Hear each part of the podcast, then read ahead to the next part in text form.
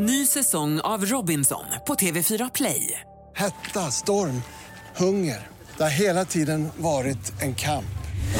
Nu är det blod och tårar. Fan händer just nu. Det. Detta är inte okej. Robinson 2024, nu fucking kör vi! Streama söndag på TV4 Play. Podplay. Vad kan jag påverka? Och vad kan jag inte påverka? Jag, jag har inte behov av att fylla alla mina lediga stunder med det sociala. Jag är ju också väldigt bekväm med att vara själv. Att hitta balansen och leva hållbart är kanske min egen absolut största utmaning i livet. Och jag vet att jag är långt ifrån ensam om att försöka få karriär och familjeliv att gå ihop.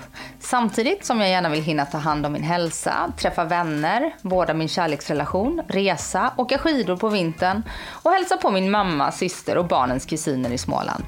Ja, du fattar. Och min nyfikenhet på hur andra gör för att få livet att gå ihop är en av anledningarna till att jag från början startade Livshjulet. Och idag har jag bjudit in Kristin Kaspersen för att prata om just det här. Kristin är inte bara programledare, journalist och författare. Hon driver också sin populära intervjupodcast Nyfiken på, gör samarbeten på sin Instagram där hon har 265 000 följare och föreläser i självledarskap. Idag ska jag prata med Kristin om hennes definition av en hållbar livsstil, vilka hennes största utmaningar är och om hon har något lifehack att skicka med till mig och till dig som lyssnar. Jag heter Anna Hegerstrand och du är varmt välkommen till ett nytt avsnitt av min podcast Livshjulet med veckans gäst Kristin Kaspersen.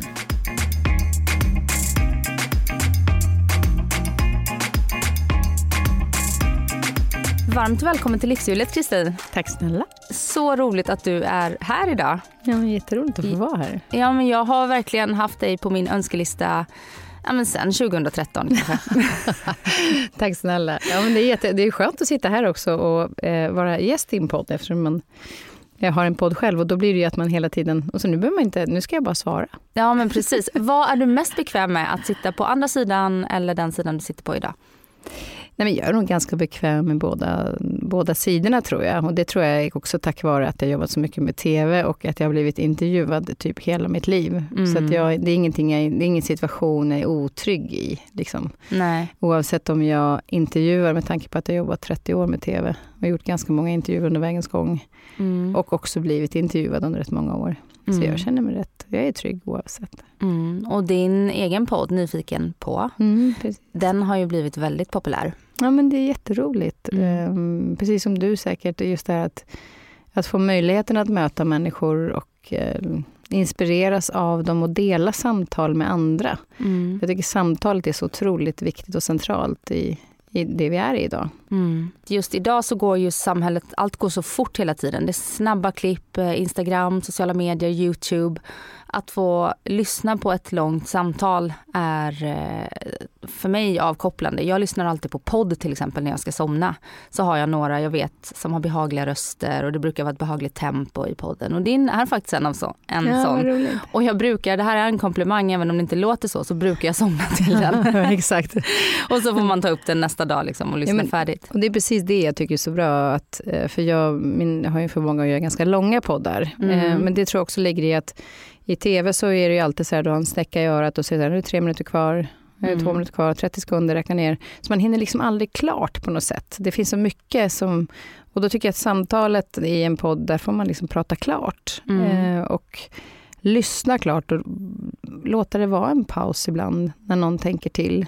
Mm. Utan att, och jag tror också, min egen analys är att många som lyssnar på poddar eh, har också blivit vana vid att lyssna på ljudböcker. Så man är Mm. van att stänga av och trycka på igen. Så att det gör ingenting ibland att den är liksom, men är resan till stan 20 minuter. Mm. Man sitter i bilen och lyssnar, eller på bussen. Mm.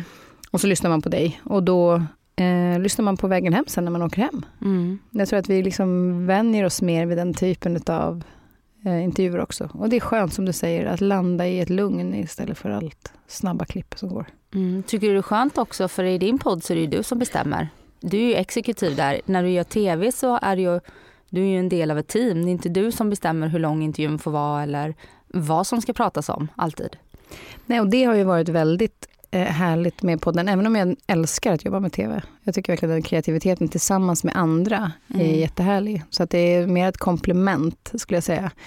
Men det är också väldigt, eftersom det handlar ju om vad jag själv är nyfiken på, vilka människor eller kunskap eller erfarenheter folk har. Men också det man då hör ifrån andra, att så här, eh, har du hört om den här personen? Jag bara, nej vadå, berätta. Och så har man en ny berättelse om någon. Man Mm. bara, men gud, det blev jag ju jättenyfiken på. Man har, att jag har möjligheten att få välja någon jag själv är nyfiken på eller ämne. Och Mm. att lyssnarna också får komma med förslag. För jag känner inte till alla. Men någonstans tr- tror jag också att, eller tänker jag att alla människor har en intressant historia. Mm. Sen är det det att för två år sedan kanske en person inte var, jag var jättenyfiken på, men nu kanske jag är på en annan plats och då blir jag nyfiken på det. Så det är Mm. lite grann vad man är i livet just nu, så man också är nyfiken på saker. Mm. Vilken plats i livet är du på just nu? Nej, men jag tycker att jag är på en väldigt bra plats. Jag mår väldigt bra i mig själv och känner mig väldigt lugn i mig själv och trygg. Så att jag mår väldigt, väldigt bra. Du utstrålar lugn. Men det tycker jag när jag, nu träffas ju inte vi ofta och det går flera år mellan gångerna eh, när vi har setts på eh, olika eh, eh, officiella events. Men du har ett väldigt, ja men en lugn aura. Och det är ju skönt att höra eftersom jag har ju, eh, som du kanske kommer in på lite senare, men just när man har Mm. ADHD till exempel så är det ju att det snurrar rätt duktigt inombords. Mm. Eh, och det tror jag att det har blivit en, en, för mig också att balansera det. Mm. Att jag, att jag eh, hittar lugnet i övrigt. Liksom. Mm. Så att många gånger så kan jag ju sitta och tänka på tio saker samtidigt fast folk tänker så här, oj vad hon är lugn. ja. Men, men det tror jag är därför att jag är ganska grundad i... Jag har tittat och gått eh, på mig själv och eh, lärt mig mycket om mig själv. För att jag är nyfiken på hur människan fungerar. Och den människan som är mig närmast är ju jag. Mm. Så jag vill ju lära mig mer och mer. Och ju mer jag lär mig om mig själv och hur kroppen fungerar, desto mer lugn får jag ju. För jag kan ju också hantera situationen på ett annat sätt. Mm. Upplever du att eh, du också har blivit lugnare med åren när kanske barnen har blivit lite äldre, pressen i livet eh, minskar? Ja, alltså jag tror att snarare med erfarenheter så har jag nog blivit lugnare. Eh, och jag tror också att det har att göra med att man, man någonstans är, eh, vilja lära sig om saker. Eh, för att visst kan vi få massa erfarenheter, men vi kan också springa ifrån det vi har lärt oss. Varför jag är på den bra platsen jag är nu, det är nog för att dels har jag erfarenhet, jag har fortfarande tid att ha mycket framför mig. Mm. Eh, Men jag väljer också att lära mig saker och saker som har kanske varit vissa utmaningar jag haft, eh, inga speciella sådär, men bara att mm, vi alla har utmaningar till och från i livet. Att Mm. jag ser på dem och försöker lära av dem, än att bara springa förbi dem. Så det gör att jag tror att jag landar på ett annat sätt. Du ger dig tid för reflektion helt enkelt? Ja, jag tror, och det är när du reflekterar över saker som hjärnan memorerar och eh, så vi lär oss saker. Det är Mm. när vi reflekterar. För det kan jag uppleva att eh, jag har ju en fyraåring och en sexåring. Eh, det är förskoleklass start och det är heltidsjobb. Man har, jag lever i en bonusfamilj och får det att gå ihop. Fyller 40, ska ha en 40-årsfest. Det är så mycket hela tiden. Men jag då eh, har ju också ADHD och min stora utmaning är att jag kör ihop för mycket. Att jag ser inte nu måste du sluta gasa. Nu måste du trycka lite lätt på bromsen för att inte köra in i väggen. Har du varit där? Ja, det är klart att jag har barn, flera stycken. Och det, det är skola och det är förskola och det är aktiviteter och det är heltidsjobb. Mm. Så absolut så tror jag att många kan känna igen sig i det och även så jag såklart. Eh, sen har jag ju varit ensamstående ganska länge, alltså, eller levt själv. Mm. Eh, även om jag haft närvarande pappor som har såklart eh, varit ja, halva tiden. Sådär. Men i mitt liv så är jag ju själv. Mm. Och, ehm, ehm, men, men för mig har det nog också varit att jag jag har absolut varit stressad, men jag har också fattat att det är så här en period i livet. Det kommer inte vara så här alltid. Ehm, och sen fick jag, bestämde mig för att vara väldigt tydlig med, det var mycket lättare med vanlig papperskalender än vad jag tycker i telefonen. Mm. Att eh, jag strök en dag. Eller till och med strök kvällar, för att jag, jobbade, jag har jobbat rätt mycket, så att jag sitter ofta så på kvällar och skriver manus och sånt. Men att jag verkligen stryker så här och gör ett rött streck, att där ska du inte jobba. Mm. För att det var så lätt att lägga in hela tiden. Men jag har ju den här kvällen ledig. Mm. När barnen har somnat kan jag fixa det. Alltså, jag hade svårt att se, för jag tycker att allting är väldigt roligt som jag jobbar med. Och då är det också svårt att säga nej. Men nu har jag också insett att jag säger ju inte nej, även om jag säger nej till ett jobb, utan jag säger ju ja till mer tid för återhämtning. Mm. Vilket gör att jag i längden kommer göra ett bättre jobb. Mm. Sunt och klokt. Ja, och sen ska jag absolut erkänna att det är inte alltid så. Ehm, under pandemin till exempel så blev jag ju av med alla jobb, precis som många andra. Mm. Och eh, skrev då eh, Vägen till att leda mig själv under den tiden. Och det var verkligen en utmaning att leda sig själv genom den tiden. Men, men eh, bara bestämde mig för att okej, okay, jag har inget jobb just nu. Och eh, då var det bara att köra på. Det var då jag startade podden och eh, fick en hel del andra jobb och sökte en hel liksom, eh, ansträngde mig verkligen. Och sen gjorde jag mitt bästa år på 15 år. Och då kan jag ju inte säga att jag hade så mycket tid för återhämtning. Men, men det var ju också medvetet för att jobba i fatt. Mm. Den, det jag hade förlorat under pandemin. Mm. Men du har ju förmågan att se öppningar när det egentligen borde vara ganska mörkt då? Att nu Det tror kommer jag. en kris här. Ja. Jag, jag fastnar inte i så här att ja, vad, nu får inte jag något jobb, Jaha, vad, vad gör jag nu? Utan då är det okej, situationen är så här. Och där landar jag väldigt ofta vilket jag tror är för mig en, en, eh, en nyckelgrej som jag kommer tillbaka till. Det är så här, vad kan jag påverka och vad kan jag inte påverka? Och som under pandemin, jag kan ju inte påverka att situationen var som den var.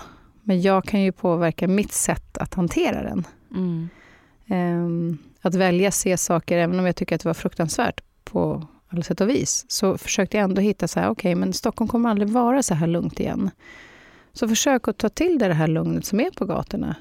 För det kommer att komma tillbaka att vi alla springer omkring och livet och restaurangen och allting. Mm. För att jag kan inte gå runt och må dåligt och tänka negativa tankar, för det drar ju ner mig ännu mer. Utan hur kan jag hjälpa mig i den här situationen att ändå se saker som jag kan tycka är skönt. Och jag tyckte Mm. lugnet var väldigt skönt under den pandemin. Och, jag, och då säger jag med full respekt för allting som skedde och alla som har farit illa. Mm. Ingenting liksom... Full respekt för det. Men, men för att hitta en balans eh, och inte gå ner sig själv. Du hjälper ju inte dig själv genom att du drar ner dig ännu mer. Utan Nej. bryta det mönstret och hitta, vad kan jag göra istället? Mm. Finns det annat spännande? Jag tyckte faktiskt det var ganska skönt att alla möjligheter som jag har så svårt att säga nej till, att de inte fanns där. Så det fanns inga frestelser i att fylla kalendern. Eh, nu ska jag också med all respekt säga att jag visst var sjuk i corona men blev inte jättesjuk. Jag träffade kärleken i lindan av pandemin och var typ nykär genom hela pandemin. Så att eh, få hade det nog så bra som jag hade det. Och jag har ju alltid jobbat hemifrån och eh, drivit poddar så att jag förlorade inga jobb. Men det tyckte jag var skönt och det har jag försökt ta med mig nu efter pandemin att, precis som du säger, att hålla luft i kalendern. Mm. La du till med några nya vanor som du också har tagit med dig efter pandemin?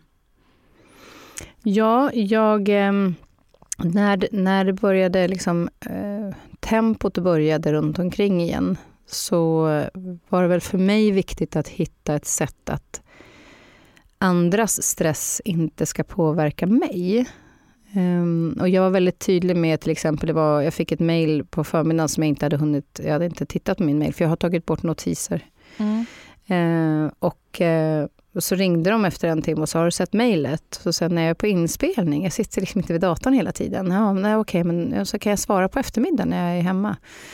Ja, det var inga problem. Och då känner jag så att om, du, om det är så bråttom, Ja. vad, vad är det det ligger i hos dig att du har så otroligt bråttom? Då har du faktiskt mejlet för sent. Eh, Mm. För du kan inte förvänta dig att alla sitter och väntar på att du ska mejla. Och då bestämde jag för, då, då mejlade jag ut till dem jag jobbar med och så sa jag att jag läser på morgonen mejlen och jag läser på kvällen, på Mm. eftermiddagen. Men då vet ni att, sen kanske jag läser fler gånger, men då kommer jag läsa. Så jag kommer att se era mejl.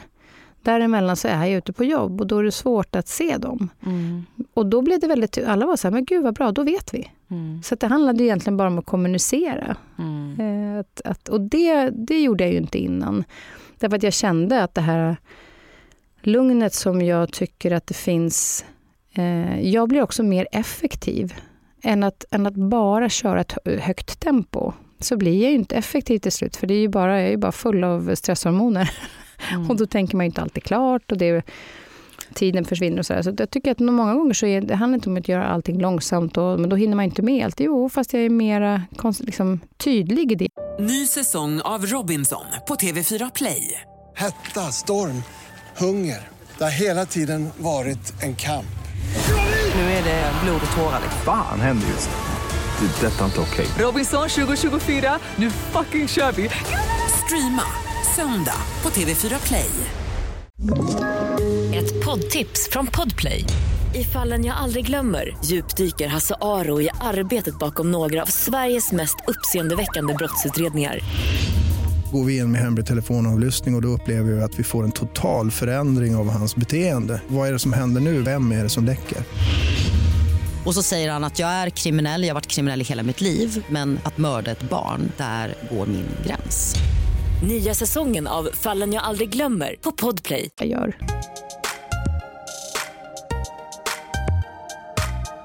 Men eh, temat för idag eh, är ju hur vi hittar balansen i livet eh, och, det, och hur vi lever hållbart. Eh, och att inte stressa och att eh, eh få tid för reflektion är ju två av de sakerna. Men när det kommer till en hållbar livsstil, hur skulle du definiera den? Och vad är det du försöker sträva efter? Hållbar livsstil är ju att tänka att det ska pågå ehm, att det är inte någonting som är en, en quick fix eller att det är någonting som jag gör fram till sommaren eller att jag ska eh, träna fram till jul och sen glömma bort det. Alltså att man har en, någonting som pågår hela tiden. och det, det tycker jag, eh, där är det viktigt, var det viktigt i alla fall för mig, och det, jag ska bara prata utifrån mitt eget perspektiv eftersom vi alla är olika, men för mig var det viktigt att Eh, inte sätta för höga krav på mig själv eller för höga mål. Att säga, oh, jag ska träna fem gånger i veckan och jag ska göra det och det och det. För att det var så mycket jag ville göra. Utan sätt rimliga mål från början och hellre träna två gånger. Och sen har du kommit in i det och så känner du efter två månader att fan, du kan lägga till en dag. Mm. Nu har jag den möjligheten. Och samma sak som jag vet, det här klassiska när man här, har börjat träna så blir man sjuk. Man bara, åh fan vad typiskt. Händer alltid mig. Ja. Men, men då har man ju tittat på sin tidsaxel väldigt kort. Mm. För du kommer ju bli sjuk fler gånger. Mm. Alltså förkylningar kommer hela tiden, om inte annat pandemi. Alltså det kommer ju saker hela tiden. Så att det är ju ingen, inget stopp. Det ger ju bara kroppen en liten paus för att återhämta det som den ska reparera i kroppen och sen så fortsätter du din träning. Mm. Och har man, har man den blicken att det här ska ju vara hållbart. Dessutom så mår jag bra i kroppen och kommer igång och tränar så kanske jag klarar den sjukdomen jag får eller så. Kanske bättre, eller framförallt kommer tillbaka bättre för att jag är i bättre fysisk form. Mm. Um, så det tror jag liksom att se det länge. plus att jag, du vet när jag hade, för, kanske 20 år sedan, ja, när jag hade fått barn, ville få in träningen att bli mera en del av livet och inte någonting så här, som man gjorde perioder som jag gjorde kanske runt 20-årsåldern, 25-årsåldern. Där. Mm, som jag tror väldigt många gör. Ja, men då var det så att jag ville få in det att det skulle bli lika naturligt som att man sover och äter. Och jag säger inte så här, ah, vet du vad, i natt sov jag. Nej, Nej. det är så självklart. Nej. Och jag vill inte lägga så mycket fokus på att jag faktiskt gick och tränade. Det kan man behöva i början kanske för att få pepp. Det är ju väldigt olika för olika människor om man lägger ut att nu är jag på väg och ska träna. Mm. För att mm. man behöver säga det till någon för att man ska göra det. Och det ja. är ett knep som många kanske använder. Ja. Men jag valde liksom att inte lägga någon energi på, om jag skulle träna på lunchen, så lade jag ingen energi på att gå och tänka på att jag snart ska träna. Nej. Eh, utan jag var närvarande det jag gör på förmiddagen och jobbar. Och sen tar jag min väska, går iväg och tränar och duschar, och sen är jag tillbaka igen. Eh, för att om jag skulle tänka på att snart ska jag träna, och gud vad skönt, och sen så är jag och tränar och sen pratar jag hela eftermiddagen om och säger, vet vad vi gjorde på träningen, bla bla bla. Mm. Då känns det som att man har hållit på med träning och fokuserat på träning hela dagen. Det blir liksom inte en jag sitter inte och pratar så här, vet du vad, jag har sovit så här i natt och så bla bla bla. Jag sitter inte och ältar sådana saker. Kan du borsta tänderna i morse? Nej men exakt, alltså, det är ju någonting som blir naturligt. Och när det blev så, när jag fick in det till att bli lika naturligt som det andra, mm. och för andra också att det blev naturligt att jag levde så, så var det inte heller någon som ifrågasatte så här, jaha, men ska du träna på lunchen eller inte? Utan de visste att då är hon iväg och tränar, för det var en del av rutinerna. Mm. Så att vi, ja, så att jag tror att här, där var det viktigt för mig att hitta, bryta mina andra rutiner, eller bryta var inte så stora, så få in nya rutiner. Ja. Och eh, se till att jag inte då satte för höga krav på mig själv. Eh, och då blev det hållbart. Mm. Och hur lever du idag? När du inte är mitt i småbarnsåren, när du kanske har lite mer tid? Ja, det där är ju också roligt, därför att när, när barnen, när grabbarna nu har liksom så mycket egen tid Mm. eh, och gör liksom det, de, det de behöver och det de ska göra eh, nu när de är vuxna. Mm. Jag är en 18-åring också, så att han har ju precis blivit vuxen, eller ja, ung vuxen. Mm. Så fyllde jag det med mer jobb. Och då eh, tänkte jag nu efter ett par år att vad hände nu? Alltså det var ju inte det jag skulle fylla tiden med. Jag jobbar ju mer än 100 procent ändå. Mm. Och så fyller jag det bara med ännu mer jobb. Och då märkte jag så här, men gud, mina kompisar sitter där och käkar middag och här sitter jag och skriver manus. Alltså vad, vad, vad har jag, men det gick ju av bara farten. För det är så här, Mm. gud vad perfekt, men då kan jag jobba över. För att jag behövde inte fixa käk. Liksom. Nej. Och min, äldst, min yngsta son som fortfarande bor hemma, han eh, vill ju helst laga mat själv ändå. Så jag behöver, har inte liksom den tiden. Och då märkte jag, att, och det var liksom en omställning, att jag märkte att jag inte var van att ta, ta den här sociala biten. Mm. Alltså, ska vi gå ut och käka eller kom hem till mig så lagar vi mat här till vänner. Och då blev jag så här, och nu, eh, en del är att, att minska, eftersom jag jobbade väldigt mycket under pandemin och märkte att det här kommer bli för mycket, så tog jag in en tjej som jobbar med mig Mm. och tänkte att jag investerar i det, eh, för det är en investering för min hälsa och att kunna göra ett ännu bättre jobb när jag, är- när jag är ute på jobb så är jag mer närvarande, för att det finns någon som sköter admin. Mm. Och det var också en sån grej, då på kvällarna satt jag så här, jaha, vad gör jag nu? För då var jag van att sitta och svara på mejl och manus och sådär. Så det är lite grann en ny tid som jag också välkomnar. Ehm, Det är ju alltid svårt när barnen blir äldre. Man tänker så här, men gud, behöver inte de mig nu? Mm. Och det är en kort separation, men den är naturlig och den tror jag ska vara så. För det vore ju konstigt om du inte saknade att barnen behövde dig. För du har, det är någonting jag har gjort i 25 år. Mm. Att vara tillgänglig 24-7. Den vänder du inte på en dag. Det är helt naturligt att barnen ska ut och göra sitt. Liksom. För de har ju det i sig. Alltså, det händer ju i deras kroppar och utveckling som är naturligt. Men jag har ju varit vuxen hela tiden när de har varit barn och jag har varit förälder hela tiden. Så att det blir ju en omställning för en själv. Mm. Men nu, alltså i sommar, det var ju life. Den ena var ju ute på sitt håll och reste och den andra jobbade i tre veckor och jag bara gjorde det jag ville. Ja, det, Och sen möttes vi, liksom, de kom och hälsade på på vissa ställen och sådär. Så det var ju jättemysigt. Att, eh, och jag tycker att kvaliteten har blivit mycket bättre. Jag känner mig lugnare och på väldigt bra plats gentemot barnen också. mm.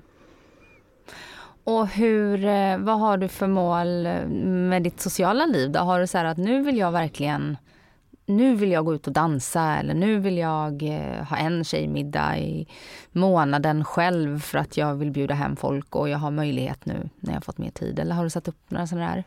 Nej, jag har inte satt upp några mål, däremot har jag lagt liksom mera tid för det. Eh, men jag tror också att jag behöver göra det ganska enkelt. Däremot så kan jag, tänker jag inte att så här, jag har ju väldigt många olika vänskapskretsar. Liksom. Och alla de är ju vana vid att man antingen är hemma med barn eller att man har jobbat mycket. och Så, här, så att det inte alltid kommer naturligt. Att man också säger så här, kör ni en middag någon gång så hör av er eller ska ni iväg någonstans? Eh, Och de bara, men gud, jobbar inte du? Nej, jag, nu har jag mer tid. Så Mm. Även om jag jobbar mycket. Eh, Så det är också ett ansvar hos en själv Mm. att också säga till om det. Och sen eh, har jag också så här, men jag hyrde ett hus i somras och sa till vänner så här, men kom om ni vill. Jag har ett hus där så ni får jättegärna komma och bo där. Mm. Eh, och det, det är ju stegvis. Liksom. Men sen är det inte att jag måste, jag, jag har inte behov av att fylla alla mina lediga stunder med det sociala. Jag är ju också väldigt bekväm med att vara själv. Jag tycker det är fantastiskt härligt också. Mm. Så det är ingen, ingenting som jag känner att åh, jag kan inte sitta här själv, vad ska jag göra nu? Det har jag inga. Det finns massor av saker. Jag kan gå ut och gå, jag kan sticka ut och springa eller jag kan kolla på en härlig Netflix-serie. Eller... Och det är jag glad över, att jag är så pass trygg och mår bra själv. Mm. Och sen så nu så när vi sitter här så har du precis kommit tillbaka från en eh, livets tjejresa kan man väl säga. En fantastisk resa. Ni besteg eh, Kebnekaise. Ja, vi gjorde det. 15 tjejer. 15 tjejer Jag tror och Robin jag- Trygg som vi hade med oss. Ja, jag tror Mm. inte jag har 15 tjejkompisar som skulle ställa på det här. Jag skulle få tjata länge. Ja, fast det, det, det coola var att det var en av mina närmsta vänner då, Sia, som förra året tillsammans med en annan tjej började prata om det. Och eh, jag var ganska, de har ju gjort vissa vandringsleder förut, ett gäng tjejer. Eh, men, och sen började vi prata om Kebnekaise och så sa jag, men var inte det häftigt? Och alla var ja, så gick alla igång. Och sen var det så att det var ju flera som var med den här gången som kanske kände en. Så det var också väldigt häftigt att det var någon som kom in som inte hade en aning om vem resten av gruppen var, förutom en person. Så att, och, och det var väldigt härligt att vara iväg eh, och se hur vi alla blev i grupp. Eh, Och hur, för att alla hade ju sina egna utmaningar. Eh, Vissa pratade om det. Vissa nämnde kanske inte sin utmaning. Eh, Men alla var väldigt peppande. Eh, Sträckte alltid ut en hand om någon behövde.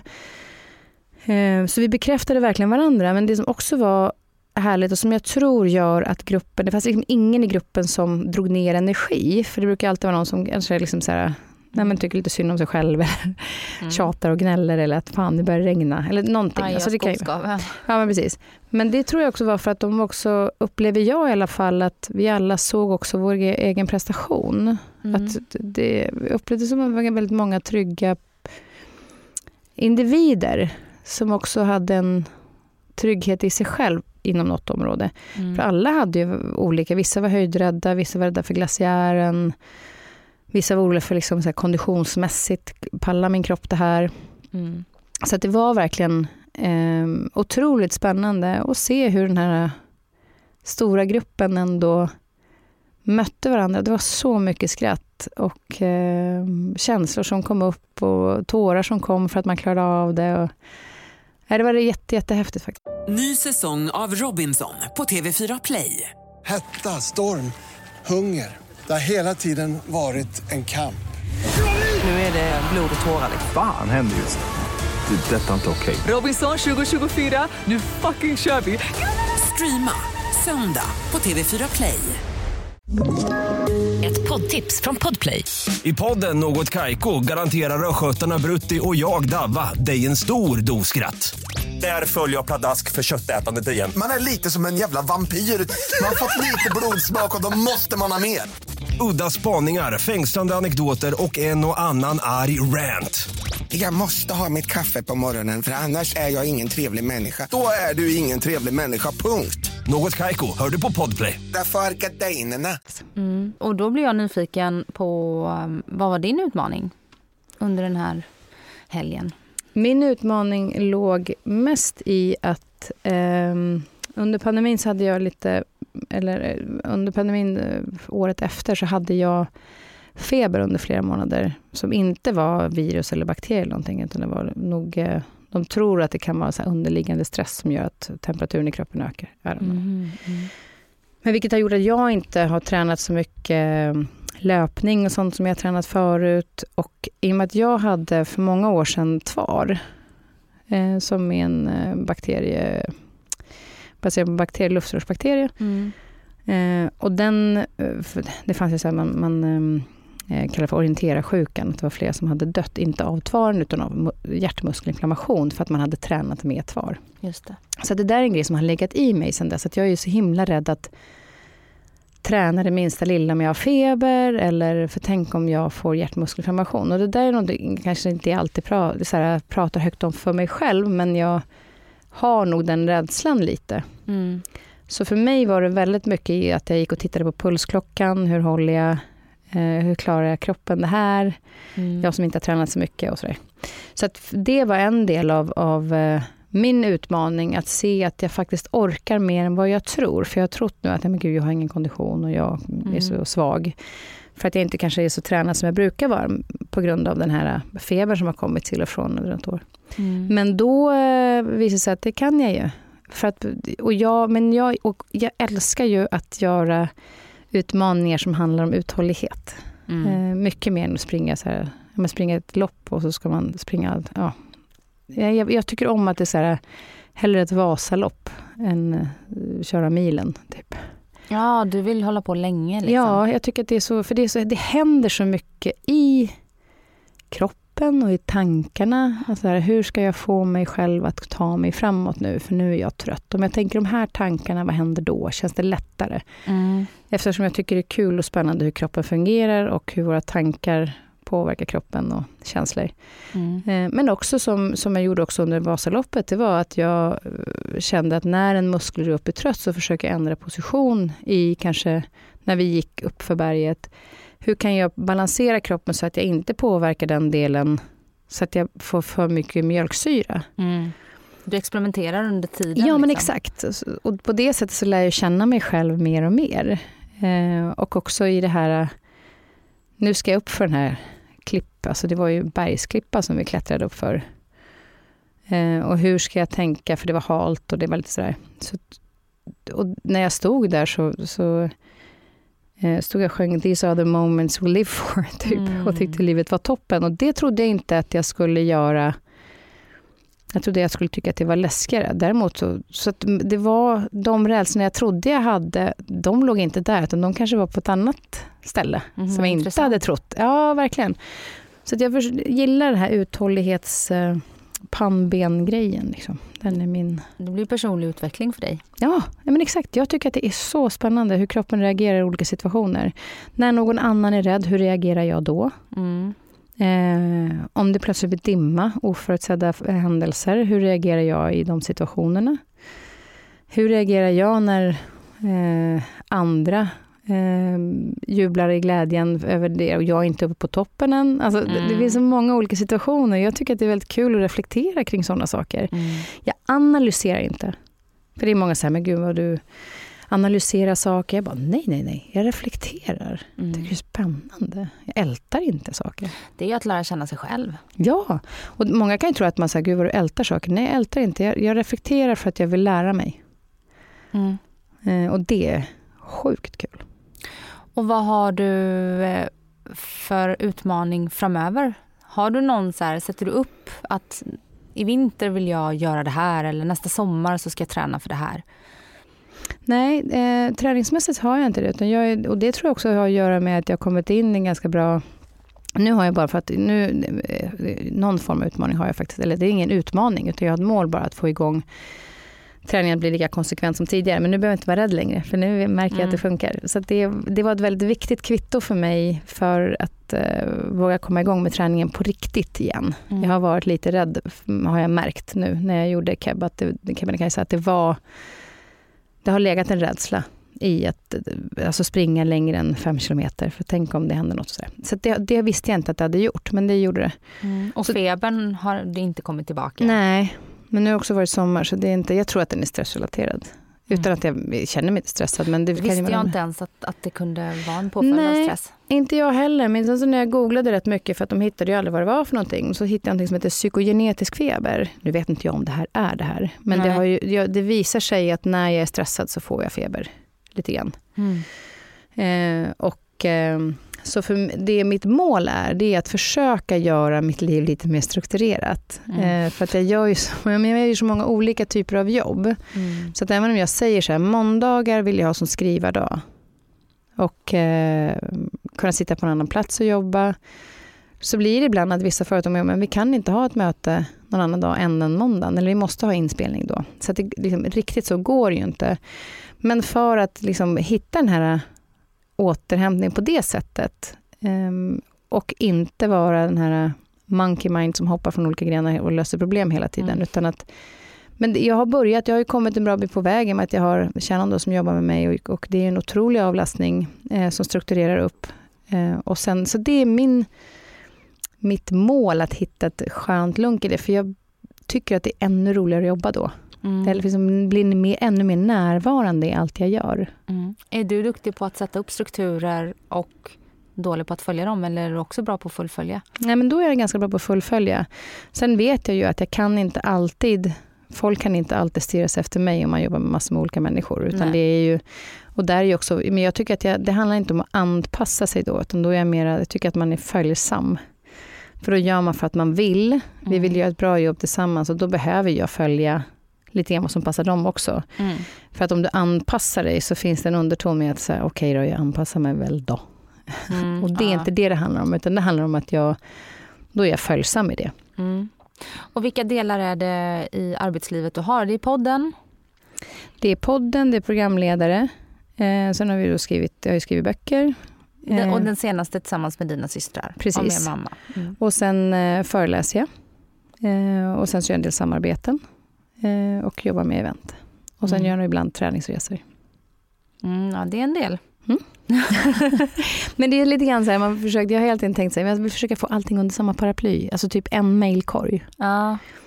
Men eh, samtidigt så tycker jag ju om att det är olika, eh, som jag gör podden eller om jag gör föreläser. Föreläser tycker jag är fantastiskt roligt. Mm.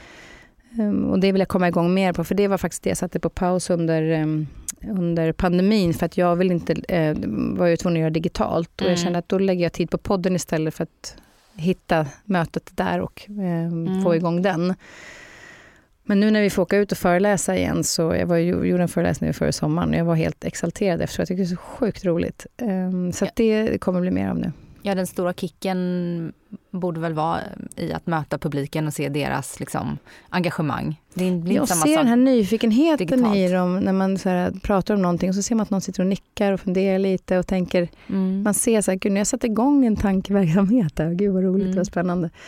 Så jag tycker att det är väldigt, väldigt roligt och när folk kommer fram efteråt och ställer frågor och sådär. Vad har du för olika föreläsningar? Jag föreläser om att leda, leda mig själv. Eh, För jag skrev ju en bok då, den som var den senaste egna boken, som Vägen till att leda mig själv. Mm.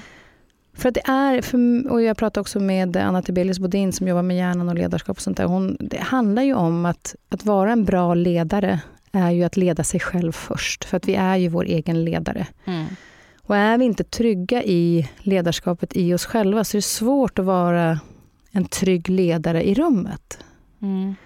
Då blir det nästan att vi ibland tar på oss en kostym, eller så säga, någon form av uniform för att ja, nu har jag det här ansvaret och nu måste jag göra det här. Alltså, att, men att landa i sig själv och vara sann i de besluten du tar, att våga visa sig sårbar. Eh, inte ha, liksom, vilka förväntningar kan jag ha? Vilka har jag skapat själv? Eh, det finns så många sådana frågor där, där jag tycker att det är så otroligt intressant och det har varit en så stor, stor förändring för mig i livskvalitet att leda mig själv och jag har hanterat utmaningar på ett helt annat sätt. Var födde, eller var springer intresset för liksom, självledarskap ur? Det kom- Dåliga chefer? Ja, faktiskt. Ehm, eh, men inte, det var ett möte som jag hade på en tidigare arbetsplats där jag, när jag satt och pratade med de två, så tänkte jag bara, men vad, vänta nu, vad är det de säger? Det, alltså, den konversationen vi hade. Jag tyckte det var ett extremt dåligt ledarskap. Men sen så insåg jag också att fasiken, jag var ingen speciellt bra ledare för mig i det här samtalet. Jag stod inte upp för mig själv, jag var inte ärlig i vad jag kände, utan jag höll käften.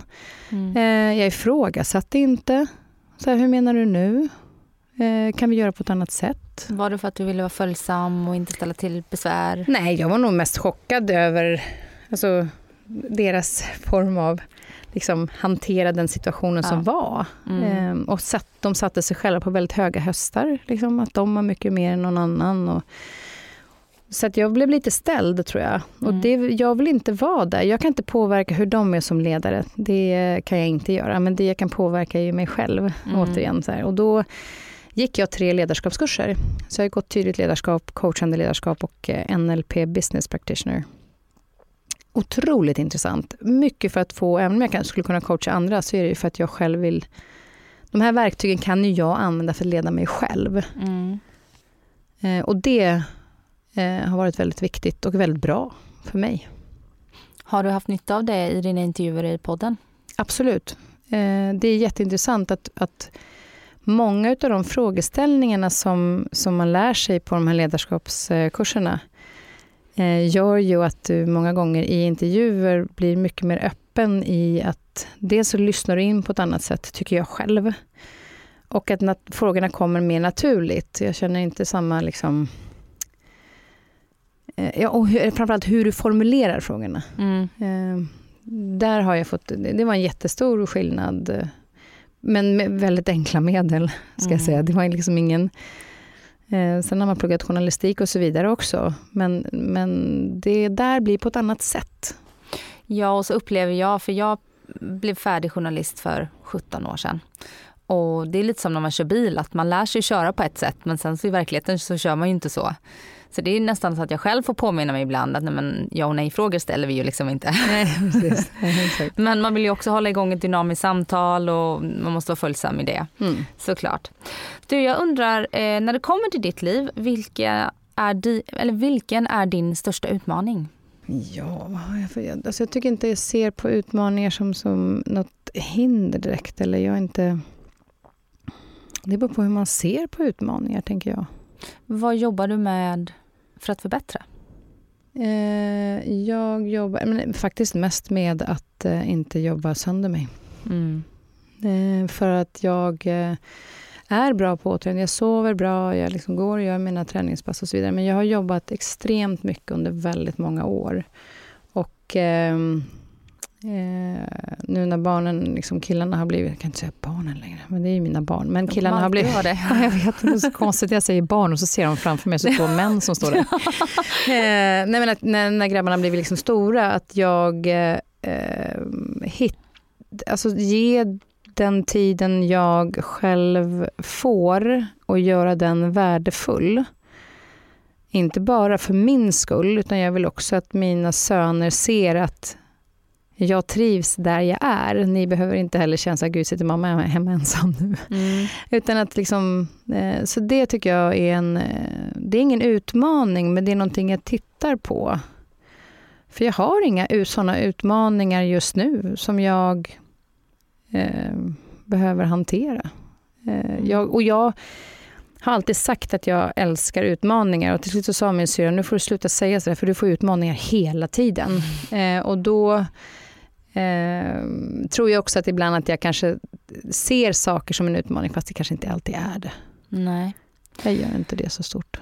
Jag tänker, eh, senast vi träffades, första gången jag intervjuade dig, för jag har intervjuat dig en gång tidigare när jag jobbade som frilans för Expressen, det var på pressträffen för Let's Dance. Och den intervjun handlade bara om Let's Dance. Eh, för du var så inne i det och det var liksom, på tal om utmaning, alltså det var verkligen Let's Dance för hela slanten och det tror jag gick igenom tv-rutan också. Kunde jag göra det igen? Jag hade gjort det. Jag hade tränat sådär alla dagar i veckan. Jag vet inte om Kalle hade velat dansa med alla dagar i veckan. Men alltså det var ju livets liv mm. att vara med eh, i Let's Dance. Mm. Och du gick ju verkligen in för det och jag ska säga att jag är så avundsjuk på alla som får den möjligheten. Och jag har sagt till Tony Irving flera gånger att ska ni ha med en okändis så, mm. så finns jag här. och han skrattar varje gång. Men, men det är ju min dröm att få bara bli inlåst med någon som kan dansa och få lära sig dansa. För jag mm. älskar att dansa.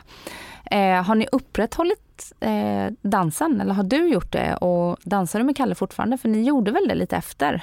Vi gjorde några så här event, eller event, alltså det var någon resa till eh, jag, men, jag tror det var Amelia som gjorde någon sån här helg på Steam Hotel. Mm. Så vi var där, jag föreläste så dansade, han hade dansklasserna och så dansade vi tillsammans. Men det var ju liksom första året mm. eh, som vi gjorde några stycken. Men sen, nej vi har inte dansat eh, tillsammans. Jag har däremot gått eh, två höstar nu på raken till, och dansat för Linn Hegedal som dansade sen min eh, son. Mm, just det. Eh, fantastiska Linn. Som jag eh, dansade latin solo med. Ah, eh, och då är man liksom i en grupp. För att jag, jag, dansen är fantastisk. Alltså den är så otroligt mycket, det är så mycket glädje och det är så mycket ja, endorfiner, jag vet inte, bara lyckorus i det där. Och din son var ju väldigt duktig. Det kanske är någonting ni kan ha tillsammans. Tror du han skulle vilja dansa med mamma? Nej men alltså du har ju inte sett oss på, på vi har ju varit på fester va? Och vi har, ja. vi har försökt, kanske inte helt eh, lite för sent på natten kanske, mm. eh, utan att säga för mycket. Men, men det är väldigt roligt att vi har, eh, för min yngsta son var ju med mig väldigt mycket på Let's Dance och lärde känna alla dansarna och liksom var med lite grann i den här bubblan som var. Jag fick det, han fick uppleva den. Mm. Då hade ju Filip redan flyttat hemifrån, så att han var ju liksom vuxen då. Så det, jag är också glad över att Filip, eh, och otroligt stolt över den resan han gjorde men det är ju väldigt roligt nu när vi kan så här, nörda ner oss. Så kan vi sitta jag ska kolla lite på klipp på Ja. Let's Dance. Så bara, "Ah, kan inte jag få se din cha-cha? Ja, jag, jag vill kolla din. Så kan vi sitta och drömma oss tillbaka. För att man blir liksom, det är inte det att man vill se så här, åh hur duktig, det, det, när du ser de här danserna då blir det som ett lyckorus som kommer tillbaka. Mm. Och eh, tacksamheten över att vi fick uppleva det här. Mm. Jag vill aldrig att någon slutar prata om Let's Dance. Nej. Och sen tycker jag att det är väldigt fint, för när vi var på finalen nu i våras, hur alla liksom dansarna kommer fram och hälsar på när man sitter i publiken och man pratar med juryn. Och jag sa det till Marie Mandelmann nu i somras, eller när vi skrev till varandra, så sa jag att du kommer alltid vara, för det blir ju lite av, tomt efteråt, när säsongen tar slut. Ja, exakt, Mhm. duktigt så. Nu vet inte jag hur hon kände över det, men, men jag skrev till henne så att bara så att du vet så är man en gång i den här familjen Let's Dance så är man alltid med. Mm. Och det förlåt, märkte jag väldigt tydligt nu när vi var där. Så att du är också en, kommer alltid vara en del av vi är alltid en del av den här familjen och då fick jag tillbaka, vad härligt, då är vi danssystrar. För det tyckte jag var så himla fint. Eh, Så man får ju fler och fler danssystrar på vägen. Mm. Och dansbröder såklart. Ja, och de gör väl, eh, bjuder väl till, gör de inte säsong, någon säsong där de bjuder tillbaka gamla deltagare som får tävla mot varandra? Jag vet att de har gjort det, eh, tror jag, tioårsjubileet. Ja, just Eh, det. Jag tror att det var en, alltså de gjorde en liten säsong med eh, de som hade vunnit tror jag. Just det. De går väl starkt mot 20-årsjubileum snart va? Ja, jag tror det blir 17 år nu va? Mm. Ska, du mena, ska jag möta min son då? Ja, exakt. Och så Tony, om du hör det här, okändisen där. Du måste vinna först om du ska få gå till den. Just Ja, ja, den. så är det ja. Det, det är jubileumet. Men, Så är det ja. Mm. Men jag kommer förmodligen sitta eh, på pressläktaren eller i publiken. ja, men jag tyckte det var alltså, fantastiskt att få vara där igen, för det har inte varit publik på två år. Och så Mm. fick man sitta där och få liksom, se alla de här... Och det var ju första alltså, säsongen efter våran säsong som det var publik. Mm. Så, nej, det var, oh, jag älskar det. Alltså. Mm. Du, om du skulle skicka med eh, de som lyssnar nu ett lifehack som du har som är sådär, ja, men det där skulle jag kunna dela. Det har hjälpt mig mycket i livet. Förutom alla andra som du har droppat här på vägen. Men jag tror att det är så olika. Vi, jag har full respekt för att vi alla människor är olika. Mm. Ehm, så att, och eh, det är som när jag skrev min bok Vägen till att leda mig själv, så har jag valt att skriva den utifrån mitt perspektiv. För att faktum är att jag tycker någonstans att när någon läser den här boken, även om jag vill inspirera andra i att leda sig själv, Mm. så vet jag inte vad just den personen är när de läser boken. Så därför kan inte jag säga gör så här. För att de kanske inte är på den platsen Mm. eh, i just det kapitlet. Så jag därför säger att jag påminner mig själv om. Ehm, så det jag brukar göra, det är att påminna mig själv om eh, framförallt det, för att slippa den onödiga stressen som man ibland kan dra på sig. Kanske oro eller stress eller det, vad kan jag påverka Mm. och vad kan jag inte påverka? Och där tycker jag att den, den eh, jag inte, kan ju inte Bibeln i princip överhuvudtaget, men den här sinnesro, Mm, exakt. låt mig Gud ge mig kraft. Eh, Lär mig förmåga att ändra det jag kan. Mm. Eh, ro att acceptera det jag inte kan ändra och visdom nog att förstå skillnaden. Mm. Och den tycker jag har hjälpt mig på så många sätt. Vid allt ifrån så små irritationsgrejer. Liksom, Mm. kommer hem och det är stökigt. Man bara, ja fast det här kan, jag kan ju bara plocka upp det den här gången. Men däremot det här kan jag inte påverka. Att nyheterna och det dundrar på massa skit som händer i världen. Så bli inte irriterad för de sakerna som du faktiskt kan påverka. Eh, Så det finns liksom olika saker, men där, där tycker jag att det är en... eh, Det är otroligt skönt att landa i det. Att okej, jag kan inte påverka det, så då försöker jag att inte lägga energi på det. Mm. För det skapar bara stress. Sinnesro. Mm. Precis. Kristin, tusen tack för att du ville komma och gästa mig. Tack snälla för att jag fick komma. Jättefint samtal och lycka till med allting nu. Ja, tack snälla. Mm. Detsamma. Hej då. Hej.